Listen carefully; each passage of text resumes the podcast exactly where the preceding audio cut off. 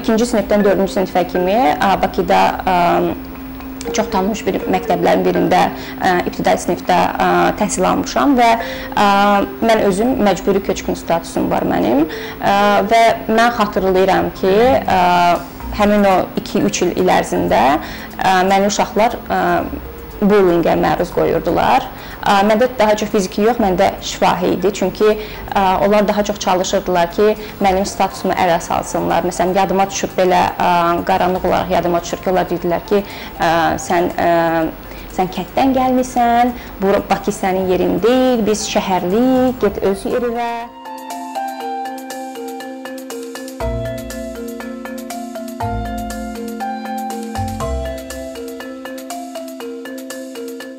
Adım Nuranədir.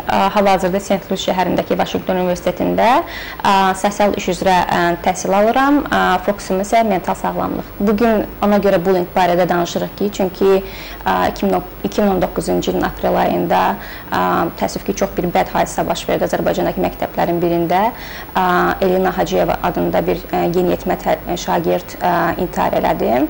Təbii ki, onun intiharından sonra artıq hər şey açığa qovuşdu. Biz onun detalları barədə məlumat əldə edə bildik sosial şəbəkələr vasitəsilə və artıq hamıya aydındır ki, Elina Hacıyeva niyə intihar eləyib? Çünki o məktəbdə bullyingə məruz qalıb. Çox qəribədir ki, bu hadisə baş verənə qədər heç kim bullying barədə danışmırdı. Ümumiyyətcə bu sözün mövcudluğu barədə məlumat olmayan en qədər adam var idi Azərbaycanda. Bu həm qəribədir, həm də çox təəccüblü deyil mənə görə. Çünki hal-hazırda bizim ölkəmizdə Azərbaycanda bullyinglə bağlı heç bir anti-bullying kampaniyası və yaxud da ki, tədbir yoxdur. Başqa inkişaf etmiş ölkələrə baxanda, məsəl üçün, onların ölkəsində bununla bağlı hər hansı bir qurum varsa və yaxud da ki, hər hansı kampaniyalar keçirirlərsə və yaxud da hər hansı bir polisi varsa, bunların heç biri Azərbaycanda yoxdur. Ona görə də təbii ki, insanlar bu barədə məlumatlı deyirlər deyə birdən-birə sosial şəbəkələr bullying, bullying hashtagləri ilə nələrsə yazanda, informasiya verəndə insanlara, insanlar bunu bir mənalı qarşıladılar ki, nədir bullying, ümumiyyətcə bu nədən bəhs eləyir də. Hətta yəni bu məlumatlar yazılmayanda belə detallı olaraq heç insanlar o hashtaqa baxıb heç nə anlamaya bilirdilər. Çünki bu da dediyim kimi yenə ə, maariflənmənin olmamağı ilə bağlıdır. Ə, bullying ümumiyyətcə loru dilində desək, ə, daha çox məktəblərdə baş verən və ə, tələbələr şagirdlər tələbələr arasında olan ə, güc balansı balansına əsaslanan aqressiv davranışlardır. Ə, təəssüf ki, Azərbaycan dilində bunun tam qarşılığını verən bir söz yoxdur. Ən azından mən bilmirəm belə bir sözün mövcudluğunu. Ə, bunu belə izah eləsək, bullying bir neçə növü var ümumiyyətcə. Bu ən birinci gəlir fiziki, şifahi, sosial kimi çox belə ə, tanınmış belə deyək də, hamının bildiyi növləri var. Bir də texnologiyanın inkişafı ilə bizim yaşadığımız cyberbullying dediyimiz bir bullying növü mövcuddur. Məsələn, Elina Hacıyevanın кейzi ilə düşünsək, o daha çox fiziki və şifahi bullyingə məruz qalıb. Çünki mən baxdığım videolarda, oxuduğum sosial şəbəkələrdən oxuduğum məlumatlara əsasən digər ə, məktəblilər, onun sinif yoldaşları və yaxud da ki, paralel sinifdə oxuyan uşaqlar onu daimi olaraq ə, məktəbin koridorunda incidirmiş, ə, şifahi yolla ona söz söz atırlarmış və yaxud da fiziki ondan 11-ci sinifdə oxuyan məsəl üçün ondan yaşı böyük olan ə, şagirdlər var imiş ki, ona fiziki ə, şiddət uyğuluyurmuş, ə, incidirlərmiş belə deyək bir sözlə. Ə, və nəticəsi də çox təəssüf ki, artıq intihara gətirdi və mən çox təəssüf edirəm ki, onun ölümündən sonra artıq biz bu ink haqqında danışmağa başlayırıq. Ə, yenə dediyim kimi, məsəl üçün başqa ölkələrdə ə, bununla bağlı kifayət qədər çox kampaniyalar aparılır. Halbuki bizdə heç nə yoxdur. Və mən mən mən bilirəm ki, yəni bu anti kampaniya olmadığı müddətcə, daha doğrusu anti-bullying kampaniyaları olmadığı müddətcə, bununla bağlı hər hansı bir tədbir, ə, maariflənmə olmadığı müddətcə Elinanın sırasına təəssüf ki, başqa uşaqlar da qoşulacaq. Ümumiyyətcə bullyingə spesifik ə, insanlar ə, e, məruz qalır, belə deyək, onun bir hədəf kütləsi var. Ə, bullyingdə ümumiyyətcə orada güc balansı var. Yəni iki iki şagird təsəvvür edin ki, bir şagird o birisindən daha belə deyək güclüdür. Bu istər fiziki, istər onun sosial statusu ilə bağlı ola bilər. Həmin o insan, həmin o şagird ondan daha zəifə, belə deyək də, sözlü və yaxud da fiziki olaraq şiddət göstərir və bunun hədəf kütləsi kimlər ola bilər əsasən? Daha çox məsələn sosial statusu aşağı olan şagirdlər ola bilər. Məcburi köçkün statusu olan şagirdlər ola bilər və yaxud da ki, fiziki olaraq fiziki olaraq kiminsə haqqında danışırsa şagird, bu ola bilər ya çox kök bir şagird və ya da ki, çox cılız, çox arıq bir şagird ola bilər ki, onu onun bədən quruluşu olaraq onu ələ salırlar, belə deyək. Ona ə, name calling dediyimiz, yəni ad qoşurlar və yaxud da ki, ola bilər ki, bir şagird digərindən daha belə deyək, fərqlidir, geyim tərzində olsun, danışıq üslubunda olsun, onu o cür ələ sala bilirlər. Yəni burada əsas güc balansından söhbət gedir. Daha güclü olan, daha zəif olanı belə deyək, əzir. Məsələn, mən öz təcrübəmdən misal gətirə bilərəm ki, daha aydın olsun. Mən 4-cü, 2-ci sinifdən 4-cü sinifə kimi Bakıda çox tanınmış bir məktəblərin birində ə, ibtidai sinifdə ə, təhsil almışam və ə, mən özüm məcburi köçkün statusum var mənim ə, və mən xatırlayıram ki, ə, həmin o 2-3 il il ərzində ə, məni uşaqlar ə, bullyingə məruz qoyurdular. Məndə daha çox fiziki yox, məndə şifahi idi. Çünki onlar daha çox çalışırdılar ki, mənim statusumu ələ salsınlar. Məsələn, yadıma düşür belə qaranlıq olaraq yadıma düşür ki, onlar dedilər ki, sən sən kənddən gəlmisən, bu Bakı sənin yerin deyil, biz şəhərliyik, get öz yerinə. Mənlə danışmırdılar. Bu hansı ki, sosial bullyingə girir. Məni öz qruplarımdan kənara qoyurdular və mən həmin dövrdə də mən daha çox belə daha sakit, daha belə heç kimdən tam olaraq belə adama yovuşmaz dediyi tərzdə bir ə, uşaq idim. Və bu mənim təbii ki, istər fiziki, istər psixoloji hər həyatımın hər ə, yerinə təsir edirdi də belə deyək. Ə, mənim akademik göstəricilərim aşağı düşmüşdü, hansı ki, bullyingə məruz qalan şagirdlərin ən çoxunda gö bariz görünən ə, belə deyək də ə, budur ki, onların akademik performansı aşağı düşür. Mən yadıma düşür ki, ə, məktəbimizə, universitetlərdən məktəbimizə gələn praktikantlar da mənə hətta bullyingə belə deyək, məruz qoyurdular. Məni ayrı mənə çox ə, belə aydın şəkildə görünürdü ki, mənimlə digər şagirdlər arasında çox belə yaxşı aydın şəkildə görünən bir diskriminasiya qoyurdular. Ə, təbii ki, bu mənə çox pis təsir edir və mən onu deyə bilmirdim. Mən ümumiyyətcə təbii ki, 10 neçə yaşındakı şagird bunun bullying olduğunu bilmir və Yadıma düşür ki, atam da daimi olaraq bizə deyirdi ki, heç vaxt bu status, statusunuzdan belə deyək, çəkinməyin, sizin çəkinəcək heç nəyiniz yoxdur, daimi olaraq dilə gətirin. Halbuki o başa düşmürdü ki, mən bunu dilə gətirdikcə məni daha çox buna məruz qoyurdular. Mən ə, dərsə getmək istəmirdim, ə, uşaqların heç birini görmək istəmirdim evdən çölə çıxmaq istəmirdim. Gəlib otağıma girib çox ağladığım olurdu, amma heç birini dilə gətirə bilmirdim. Nə sinif rəhbərimə bunu deyə bilirdim, nə də ki ailəmin hər hansı bir üzvünə. Və mən belə əminəm ki, hətta sinif rəhbərimə desəm belə o bunu heç bullying olaraq bilməyəcək. Çünki əksər hal-hazırda Azərbaycan təhsilində ən böyük boşluqlardan biri budur ki, müəllimlər belə bir belə deyək, treninq və yaxud da ki, bununla bağlı bir maariflənmə keçmirlər. Elə bilirlər ki, yaşlı uşaqlardır, bir-birlərinə zarafatlaşırlar. Halbuki bu zarafatlaşmadan daha böyük bir ə, təsirə malik bir şeydir, hansı ki, uşağın özünə çox böyük bir ə, travma qoya bilər. Məsələn, mən indi hal-hazırda ə, bununla bağlı oxuyuram, araşdırıram öz təhsil fokusum olduğuna görə və mən görürəm ki, artıq daha aydın başa düşürəm ki, əslində bullyingini edən şagird belə ə, belə deyək, ə, müəyyən problemlərə sahibdir. Çünki heç bir ə, belə deyək, ə, heç bir yaxşı uşaqlığı olan, uşaqlıqda travması olmayan heç bir uşaq başqasına bu cür rəftar göstərməz, belə incitməz. Məsələn, belə bir söz var ki, deyirlər ki, heç kim ə, öz yaralarını başqasını incidərək sağalda bilməz. Bu o deməkdir ki, bullying edən şəxs özü ə, travmatikdir. Yəni uşaqlıqdamı və yaxud da ki, ailəsindəmi hər hansı bir problemlər var ki, bu uşaq öz belə deyək də özünü bu cür göstərir. Ümumiyyətcə bullying edən şəxs iki cür ə, özünü göstərir. Birinci bullying edir ona görə ki, o hər hansı bir ə, belə deyək, o hər hansı bir gözlənti içində olur. Yəni belə deyək, kimsə bunun bu hərəkətini sanki qiymətləndirəcəkmiş kimi. Yəni ay sağ ol, nə yaxşı elədin kimi. Və yaxud da ki, sən nə güclüsən, bunu eləyə bildin, onu əzdin kimi.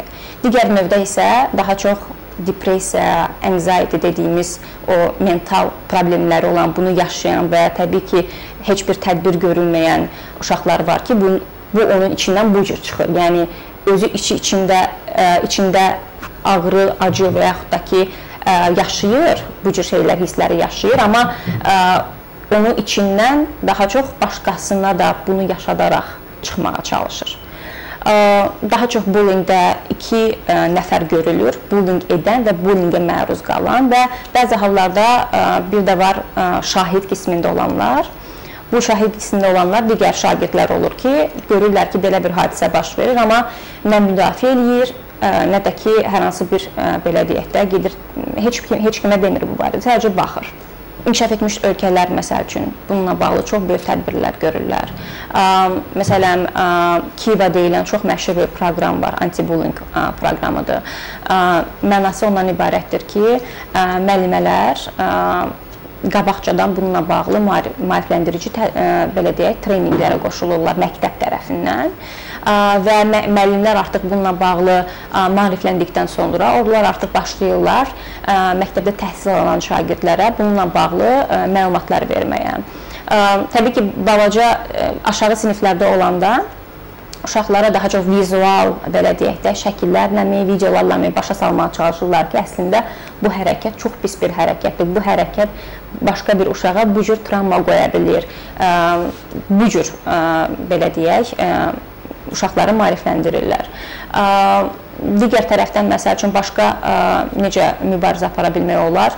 İnkişaf etmiş ölkələrin çoxunda, Avropa, Amerikada anti-bullyinglə bağlı, yəni anti-bullyinglə bağlı qaynar xətlər mövcuddur. Yəni orada bunun həm veb saytı var, həm də ki, nömrəsi var hamının bildiyi və təkidlə uşaqlara həmişə bunu deyirlər ki, necə ki, məsəl üçün hər hansı bir şey baş verəndə deyirlər ki, polisə yığmalısan filan hadisə baş verəndə, eləcə də bunu başa salmağa çalışırlar ki, belə bir hadisə görsən, mütləq bunu belə də report eləmək lazımdır və bu nömrəni uşaqlara öyrətməyə çalışırlar. Və uşaq biləndə ki, artıq bu bullyingdir, o bullyingə məruz qalır, çox asan, asan şəkildə ə, zəng açır həmin o qaynar xəttə və ə, oxuduğu ə, belə deyək, məktəbi, hadisənin bir detallarını artıq bildirir ə, telefonun digər tərəfində olan insana və artıq bu ə, belə deyək, ə, tədbirlər görülməyə başlayır. Dövlət tərəfindən, məktəb tərəfindən artıq gəlilir məktəbə, araşdırma aparılır ki, nədir, nə deyil, niyə baş verib, necə buna mübarizə aparmaq olar və s. ilə axır. Bizdə təbii ki, belə bir qaynar xətt də mövcud deyil, təəssüflər olsun ki bullying məsələn biz indi məktəb bullyinqindən danışırıq, amma bullying təkcə məktəbdə də baş vermir. Yəni iş yerində belə baş verə bilər. Məsələn, iş yerində baş verən bullying daha çox belə deyək, qadınlar daha çox buna məruz qalır. Çünki qadın-kişi arasında olan diskriminasiya əsasən qadınlar daha çox iş yerində diskriminasiya bullyingə məruz qalır. Bullying öz özlüyündə isə daha çox oğlanlar məruz qalır. Daha çox məktəb bullyinqindən danışsaq, oğlanlar məruz qalır və fiziki bullyinqi daha çox oğlanlar eləyir. Qızlara isə daha çox belə deyək, şifahi bullyinqlə məruz qalırlar qızlar. Qıza hər hansı bir ad qoşulur və ələ salınır. Yəni sosial həmin o qrupdan çıxartmağa çalışırlar qızı. Və yaxud da ki, qıza sözlü hücumlarla belə deyək də incitməyə çalışırlar. Bu nəticələri nə ola bilər? Ən pis belə deyək halda təbii ki, intihar və yaxud da ki, insanlar intihar etmədən qabaq onda intihar belə deyək düşüncəsi yaranır. Məsəl üçün bu özü də intihar kimi çox təhlükəli bir şeydir. Əgər bir insan intihar barədə davamlı olaraq düşünürsə, bu deməkdir ki, onun axırı gəlib çıxacaq intihara. Və yaxud da ki, belə deyək, intiharla müqayisə edəndə insanlar, daha çox uşaqlar belə deyək, cəmiyyətdən qopurlar, sosiallaşa bilmirlər. Məktəbdən söz gedirsə, bunların təhsil həyatına çox böyük belə deyək, təsir göstərir pis mənada, akademik göstəricilər aşağı düşür. Məktəblə arasında artıq bir baryer yaranır ki, onu qıra bilmir öz özlüyündə, çünki onun artıq professional dəstəyə ehtiyacı olur ki, onu qıra bilsin və təhsil həyatına davam edə bilsin. Və yaxud da ki, bəzən elə ola bilər ki, bu çox ağır travmalara gətirib çıxara bilər uşaqda. Uşaq bunu aşa bilmir, heç kimlə danışa bilmir və çox travmatik olur. Onda hər hansı ə, mental problemlər belə yarana bilər. Onun ə, psixikasına çox pis təsir göstərir. Buna görə də ə, ən vacib məqamlardan biri odur ki, məktəb valideyn və övlad, hansı ki, bu nüqə məruz qalır, bunlar üçü birlikdə işləməlidir. Bunların arasında belə deyək, körpü olmalıdır və daimi olaraq iç-içə olmalıdırlar və danışılmalıdır bu mövzu və birlikdə bununla bağlı mübarizə aparılmalıdır.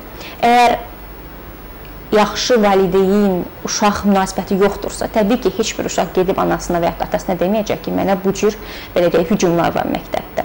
Əgər sən övladınla kifayət qədər yaxşı münasibətin varsa, ona daimi olaraq öyrədirsən ki, bəs hər hansı bir şeydə, ən kiçik şeydə belə və ya ən böyük şeydə belə, yəni mütləq birinci mənə gəl, mütləq birinci mənimlə bölüş. Bunu sən əgər uşağında yarada bilirsənsə ki, uşaq səni artıq belə deyək də qoruyucu olaraq görür həqiqətən özünü səndə təhlükəsiz hiss eləyir. O zaman təbii ki, sənə çox rahat şəkildə gəlib, məsələn, mən danışa bilmirdim. Mən deyə bilmirdim çünki o bağ yox idi bizdə.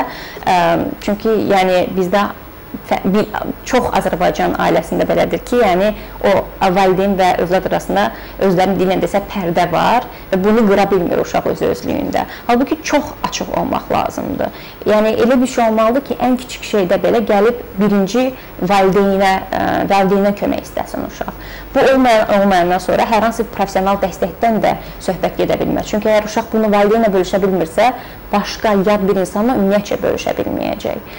Və ona görə də bu münasibətə köklənmək lazımdır. Bu münasibət üstündə işləmək lazımdır. Uşaq özünü təhlükəsiz görməlidir valideynləri ilə. Bilməlidir ki, okay, desəm mənə qışqırmayacaq, məni belə deyək, belə deyək, mənim problemimi kiçik görməyəcək məni diqqətə alacaq. Bunun üstündə mənlə mənlə birlikdə işləyəcək və mənə kömək eləyəcək. Belə bir ə, münasibət yaranmalıdır. Ondan sonra isə məsələn təhsil sistemimizdə boşluqlardan biri odur ki, məsələn, sosial işçilər, psixoloqlar, məktəblərdə ə, ola bilər ki, ə, mən dəqiq araşdırma eləməmişəm, amma ola bilər ki, təklif də olsa var, amma bu görünür ki, artıq bütün bu ə, baş verən hadisələrdən görünür ki, ə, belə bir davamlı bir ə, belə deyək, ə, proses getmir məktəblərdə. Sosial işçilər olmalıdır hər məktəbdə. Sosial işçi ümumiyyətlə nədir? Bu çox ə, belə deyək, ə, çox yeni bir ə, ixtisasdır. Azərbaycan üçün ümumiyyətlə yenidir. Mən özüm bu üzrə təhsil alıram və Lori dilində desə sosial işçi nədir, kimdir? Sosial işçi ə, belə deyək, ə, məktəb ə, və valideyn arasında bir körpüdür. Yəni sənə heç psixoloq kimi deyil, çox zaman psixoloq olaraq qarışdırılır sosial işlə, amma o daha çox sənə kömək eləyir resurslara çatmağında. Məs məsəl üçün belə bir problem var, bullying problemi, bunu necə həll edə bilərik? Həmin ölkədə hansı resurslar var ki, biz ondan faydalana bilərik. Və sosial işçi sizi belə deyək, o resurslara çatdıran insandır. Təbii ki, psixoloqlar da olmalıdır, psixoterapevtlər olmalıdır məktəblərdə. Ümumiyyətcə Azərbaycanda hamımız bilirik ki, bu professional dəstəyi götürməkdə çox böyük bir stigma var. İnsanlar bunu dəli deyiləm ki, olaraq belə deyək görürlər ki, mən niyə psixoloqa getməliyəm? Mən dəli deyiləm ki. Halbuki yəni burada elə bir söhbət söhbət getmir. Yəni sən sənin insanın elə şeylər var ki, öz özünə aşa bilmir və istər-istəməz artıq professional dəstəyə ehtiyac duyur. Və bu da çox normal bir hadisədir. Yəni hal-hazırda yəni inkişaf etmiş ölkələrdə, Avropada, Amerikada hamı bu ə, dəstəyə alma, almağa çalışır və bu stigmanı ə, bizə baxanda təbii ki, onlar yıxıblar. Amma bizdə bu stigma var deyə insanlar ə, belə deyək də iki iki ə, arada qalır ki, gedimmi, getmimmi və yaxud da gedənlər də daha çox gizlətməyə çalışır və bu psixoloqlar, sosial işçilər ona görə lazımdır ki, bu kimi problemlər olmasın. Bullying hadisəsi baş verirsə, yerindəcə həll oluna bilsin. Ümumiyyətcə bu danışılsın. Bu cür problemlər danışılmalıdır ki, onu o ki tam olaraq kökündən kəsə də bilməsən, heç olmasa ə, minimal ə, belə deyək də dərəcəyə sala biləsən. Məsələn, Amerikanın özündə 20%-dən çox ə, bullying hadisələri baş verir məktəblərdə. Təbii ki, onların məktəbi, onların təhsil sistemi bizdən tamamilə fərqlidir. Onlarda sosial işçilər də var, psixoloqlar da var. Onlarda stigma daha azdır, nəinki bizdə.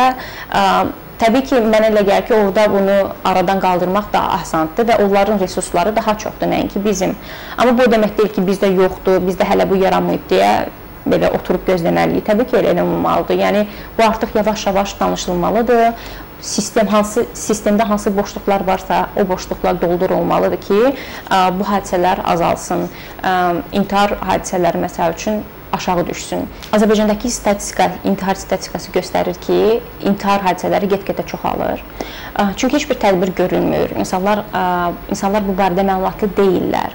Çünki məlumat olmadığı müddətcə də, yəni mənə görə bu get-gedə artacaq. İnsanlar bu dediyim bütün bu hallar stigma olsun, professional dəstək olsun, belə deyək, ailə, məktəb münasibəti olsun. Bunlar olmadığı müddətcə təbii ki, intihar hadisələri artacaq və çox təəssüf ki, intihar hadisələrinin belə deyək, intihar hadisələri daha çox elə bir daha da, cavanlaşıb necə deyirlər. Məsələn 17 yaşında, 18 yaşında bir də görürsən, açırsan xəbərləri ki, intihar eləyib. Buna görə də belə deyək, mübarizə aparmaq lazımdır və mübarizə aparıla biləcək yollar kifayət qədərdir. Sadəcə tətbiq eləmək lazımdır Azərbaycanda ki, heç olmasa bunu belə deyə tam olaraq kökündən kəsə bilməsək belə, bu çox çətin bir şeydir. Amma heç olmasa bunun belə minimallaşdıra bilərik. Faizi daha aşağı sala bilərik bu cür tədbirlər vasitəsilə. Sonda isə demək istəyirəm ki, mən özüm buna məruz qalmış bir ə, şagird olaraq mən də o yaşda olmuşam və ə, mən özümü o dərəcədə ə, belə deyə şanslı və xoşbəxt hiss edirəm ki, mən ə, özüm özlüyümdə ondan çıxa bildim. Mən həqiqətən şanslıyam bu barədə. Çünki bundan çıxa bilməyən uşaqlar var, hansı ki nəticələrini görürük. Ə, yəni görürsünüz ki, belə bir hadisə var, buna məruz qalırsınız. Yəni danışmaqdan heç vaxt qorxmayın. Ümumiyyətcə, yəni bunu dilləndirmək lazımdır ki, hadisələr belə deyək, bu cür hadisələr çoxalmasın. Valideynlərinizə deyin, sinif rəhbərinizə yaxınlaşın deyin. Hər hansı özünüzü və bu ailə belə deyə ailə ə, ailədən olan biri də olmaya bilər ki, siz özünüzü ondan belə deyə daha açıq, daha aydın ifadə edə bilirsiniz onu. Belə bir insan varsa həyatınızda mütləq ona deyin ki, bu hadisə araşdırılsın, bu hadisə belə deyək də aradan qalxsın ki, çox pis nəticələrlə nəticələr görməyək artıq.